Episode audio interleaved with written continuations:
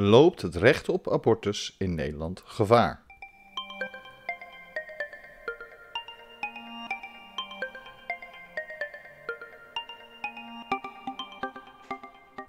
Ja, een hele goede dag en welkom bij deze nieuwe aflevering van de podcast Links Geleuter. Mijn naam is Bastian Toornent, ik ben theatermaker, acteur, podcaster en opiniemaker. En net zoals in iedere aflevering van deze podcast bespreek ik zo weer met u diverse politieke en maatschappelijke onderwerpen. Nu kunt u deze podcast natuurlijk vinden op Spotify, Apple Podcasts, Google Podcasts en diverse andere podcastplatformen. En natuurlijk kunt u ook de video's van deze podcast vinden op mijn Facebook uh, fanpage en natuurlijk op uh, mijn YouTube kanalen. Goed. Uh, waar gaan we het over hebben? Over uh, abortus. Want zoals de meeste mensen van u wel weten, is er in Amerika nou ja, een, een, een, een document uitgelekt. Een, een opzetje uitgelekt van uh, het Supreme Court. Uh, waarin staat dat ze Joe versus Reid, die er eigenlijk voor zorgt dat abortus legaal is in Amerika, uh, dat die wordt verworpen. Um, en dat daardoor de staten weer gewoon zelf mogen bepalen of abortus wel of niet verboden wordt. Wat eigenlijk betekent dat er heel veel republikeinse staten zijn die, uh, die dat noemen ze triggerwetten, uh, die al actief zijn. Dus zodra Joe versus uh, werkelijk wordt verworpen, dan gaat die wet meteen in. En dat betekent dat nou, abortus in principe weer in die staten meestal strafbaar wordt. En bijvoorbeeld bij staten zoals Texas en zo wordt het zo extreem dat het. Uh, dat, dat uh, een vrouw uh, mag alleen abortus plegen in de eerste zes weken van de zwangerschap. Nou, de meeste vrouwen weten niet eens of ze zwanger zijn in de eerste zes weken. Dus dat is al bizar. Um, en er is ook geen uitzondering voor. Uh, hoe heet het voor uh, vrouwen die verkracht zijn of de, uh, verkracht zijn, ja, verkracht zijn of door incest zwanger zijn geraakt. dit is natuurlijk een grootst mogelijke onrecht. Ik ben heel erg voor de recht van de vrouw en zeker het recht van hun eigen, nou ja, baas in eigen buik, zoals het in Nederland vaak wordt genoemd. Um, en nou, om even te kijken, het, ook in Amerika zijn er heel veel mensen die de straat op zijn gegaan. Coast to coast, tens of thousands of abortion rights supporters making their message loud and clear. Hundreds of Bands Off Our Bodies marches kicking off what some are calling the Summer of Rage. What brought you out here today? I'm angry. I think this is something that I thought was a done deal, and for us to go back in history and change it. Their outcry in direct opposition to the leaked Supreme Court draft opinion, poised to overturn Roe v. Wade, clearing the way for states to restrict abortion access. The public is overwhelmingly on our side. There are uh, um, marches like this occurring all across the country. In New York, protesters shutting down the Brooklyn Bridge, crowds marching to the Supreme Court in Washington, D.C., and in Northwest Illinois, clashes with counter protesters. Today's crowds reminiscent of the Women's March in 2017, following the inauguration of Donald Trump as president. All three of former President Trump's appointees appear in favor of overturning Roe v. Wade, in addition to Justices Samuel Alito and Clarence Thomas, who spoke out about the leak overnight. When you lose that trust, especially in the institution that I'm in, uh, it changes the institution fundamentally. A resounding message today from the masses to the highest court in the land. Protesters here are already eyeing other ways to protect abortion access, like packing the Supreme Court and getting out the vote during midterms so Congress can turn Roe v. Wade into federal law. Ja, dat was natuurlijk Amerikaanse tv die uh, de protesten die in Amerika hebben gegaan zijn. Uh, uh, nou ja, uh, allemaal laten zien. En het uh, nou ja, wordt dagelijks zelfs bij huizen van de rechters geprotesteerd. Ik weet niet of dat altijd zo goed is, omdat je daarmee ook eventueel intimideert. dat soort tactieken, nou ja, dat gaat wat ver. Maar ergens is het natuurlijk wel logisch, want is al 50 jaar abortus in principe gewoon legaal is. En nou ja, deze uitspraak van het Hoge Gerechtshof ervoor gezorgd heeft dat het niet, hoe heet het dat, dat, dat staten niet voor vrouwen kunnen gaan bepalen of ze wel of niet een abortus laten toestaan of wel laten gebeuren. Ehm, ja, dat, nou ja, het, gaat, het is natuurlijk bij de gekken af dat dat gebeurt in zo'n westers land. Maar is Amerika. In Amerika zijn ze toch uh, vaak conservatiever. En uh, uh, ze, ze, nou ja, het geloof speelt vaak nog een veel grotere rol in heel veel gemeenschappen, et cetera, et cetera. Maar dat deed mij meteen afvragen: in hoeverre is in Nederland de abortuswetgeving ehm, goed vastgelegd, zodat het niet teruggedraaid kan worden? Um, en nou, daar kwam ik toch wel uh, schrikbarend achter dat volgens het strafrecht abortus officieel nog steeds strafbaar is. Um, het is eigenlijk, het werkt hetzelfde als de euthanasiewetgeving, die ik ook verkeerd vind. Um, het betekent dat een arts en of de vrouw ten alle tijden uh, strafbaar is, mits er aangetoond wordt dat het op een goede manier is gedaan en dus daardoor de uitzondering van de strafrecht wordt uh, toegepast, waardoor uh, de vrouw en de arts niet wordt vervolgd. Nou komt er natuurlijk bij abortus steeds van, van minder vaak een echte arts uh, aan het kijken, omdat er tegenwoordig ook de abortuspil is, wat veel makkelijker is. Daarom vind ik het al helemaal bizar dat Amerika het zo moeilijk over doet. Maar goed, dat is een ander verhaal. Maar het feit dat abortus nog steeds als strafbaar in de Nederlandse wet staat, dat baart mij wel zorgen. Zeker als bepaalde partijen um, uh, dit soort dingen zeggen. Dank u wel, voorzitter. Een abortus is een tragedie. Een vroege en voortijdige beëindiging van een ontluikend leven. Wat FVD betreft is abortus, indien er, sprake, geen sprake is van een verkrachting, incest, levensgevaar voor de moeder of ernstige afwijking bij het ongeboren kind, daarom onwenselijk. Nou, dat laatste, wat, dat was natuurlijk uh, Pepijn van Houwelingen voor, van de uh, Forum voor Democratie.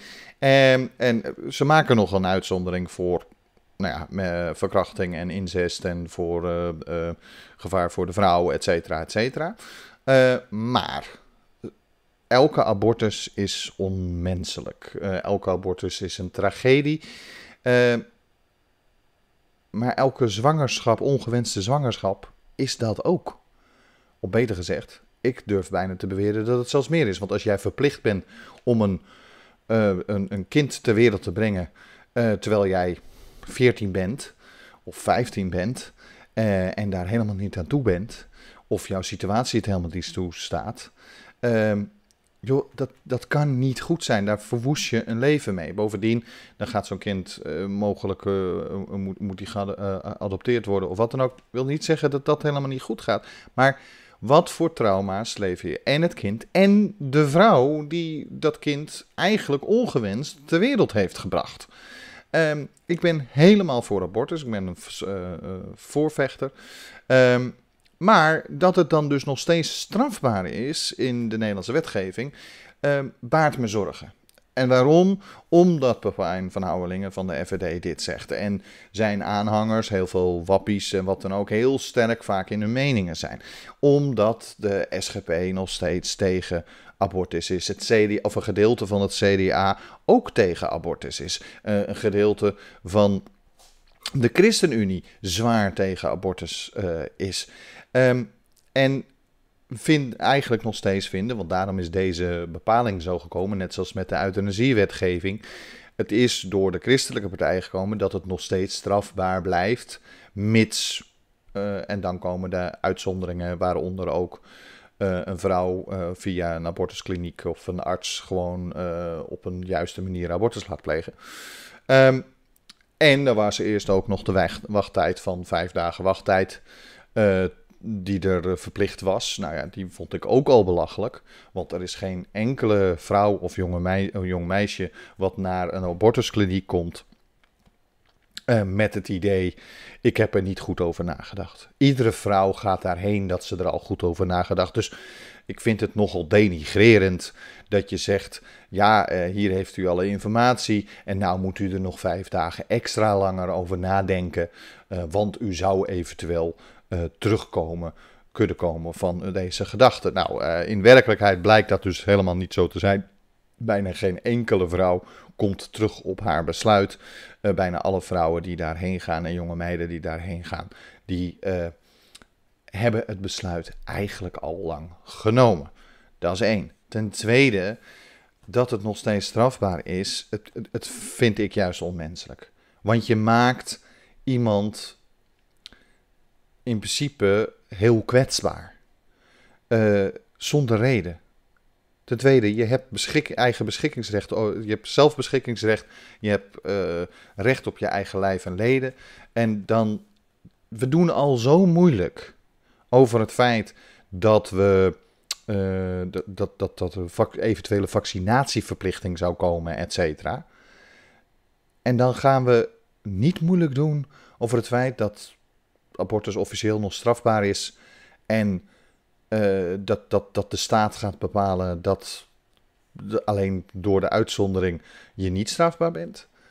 Wat hebben wij te zoeken in het lijf van een vrouw? Dat vind ik echt belachelijk. Wie, wie heeft het gore lef om te bepalen dat wij mogen beschikken over wat een vrouw ofwel wel of niet kan doen met haar eigen lijf? Dat is het eerste. Daarbij komt dat ik het gevaarlijk vind, omdat partijen als Forum van Democratie zeer populistisch is. En ook, nou ja, toch ook een echte aanhang heeft. Gelukkig wordt lijkt die aanhang de laatste tijd alleen maar kleiner geworden te zijn. Ik bedoel, ze schijnen nu nog maar op drie zetels te staan, volgens de peilingen. Uh, maar uh, het is maar de vraag of dat zo blijft. Ik bedoel, ze werden eerst ook groot. PVV is ook heel groot geworden. Nou weet ik dat de PVV, tenminste uh, Wilders zelf, gewoon voor abortus is. Dus daar speelt het even geen rol, godzijdank. Maar wie zegt mij dat de politieke situatie in Nederland niet verandert? En als je dan uh, abortus nog steeds strafbaar stelt, dan is het heel makkelijk voor de wetgever om het uh, terug te draaien. En dat het echt weer strafbaar wordt.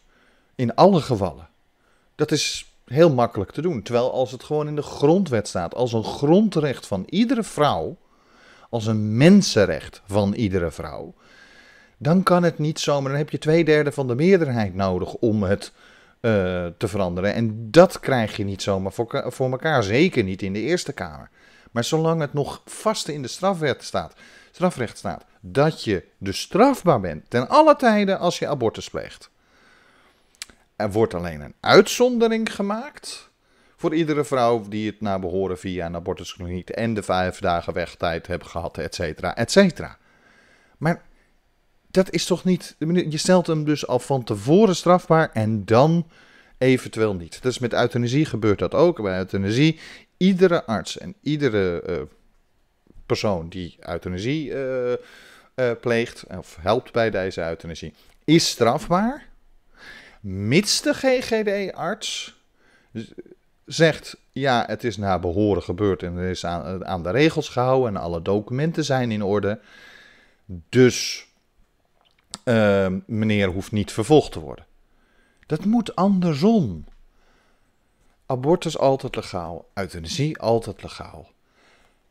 Mits er uit documenten blijkt of uit, uit getuigenissen blijkt dat er dingen niet kloppen. En dan mag justitie het gaan onderzoeken uh, met de politie, et cetera, et cetera. Dan moeten ze maar gaan kijken of het inderdaad niet klopt. Maar niet van tevoren mensen strafbaar stellen. Terwijl ze eigenlijk iets doen waar ze gewoon recht op hebben. Zeker abortus. Het is gewoon een mensenrecht van iedere vrouw om zelf te bepalen of zij een kind wel of niet de wereld wil zetten. Goed, dat was mijn gedachte voor vandaag. Uh, van de week ben ik er weer. En u, als u meer informatie wilt, dan kunt u natuurlijk altijd kijken op mijn website. En dat is www.torenent.nl.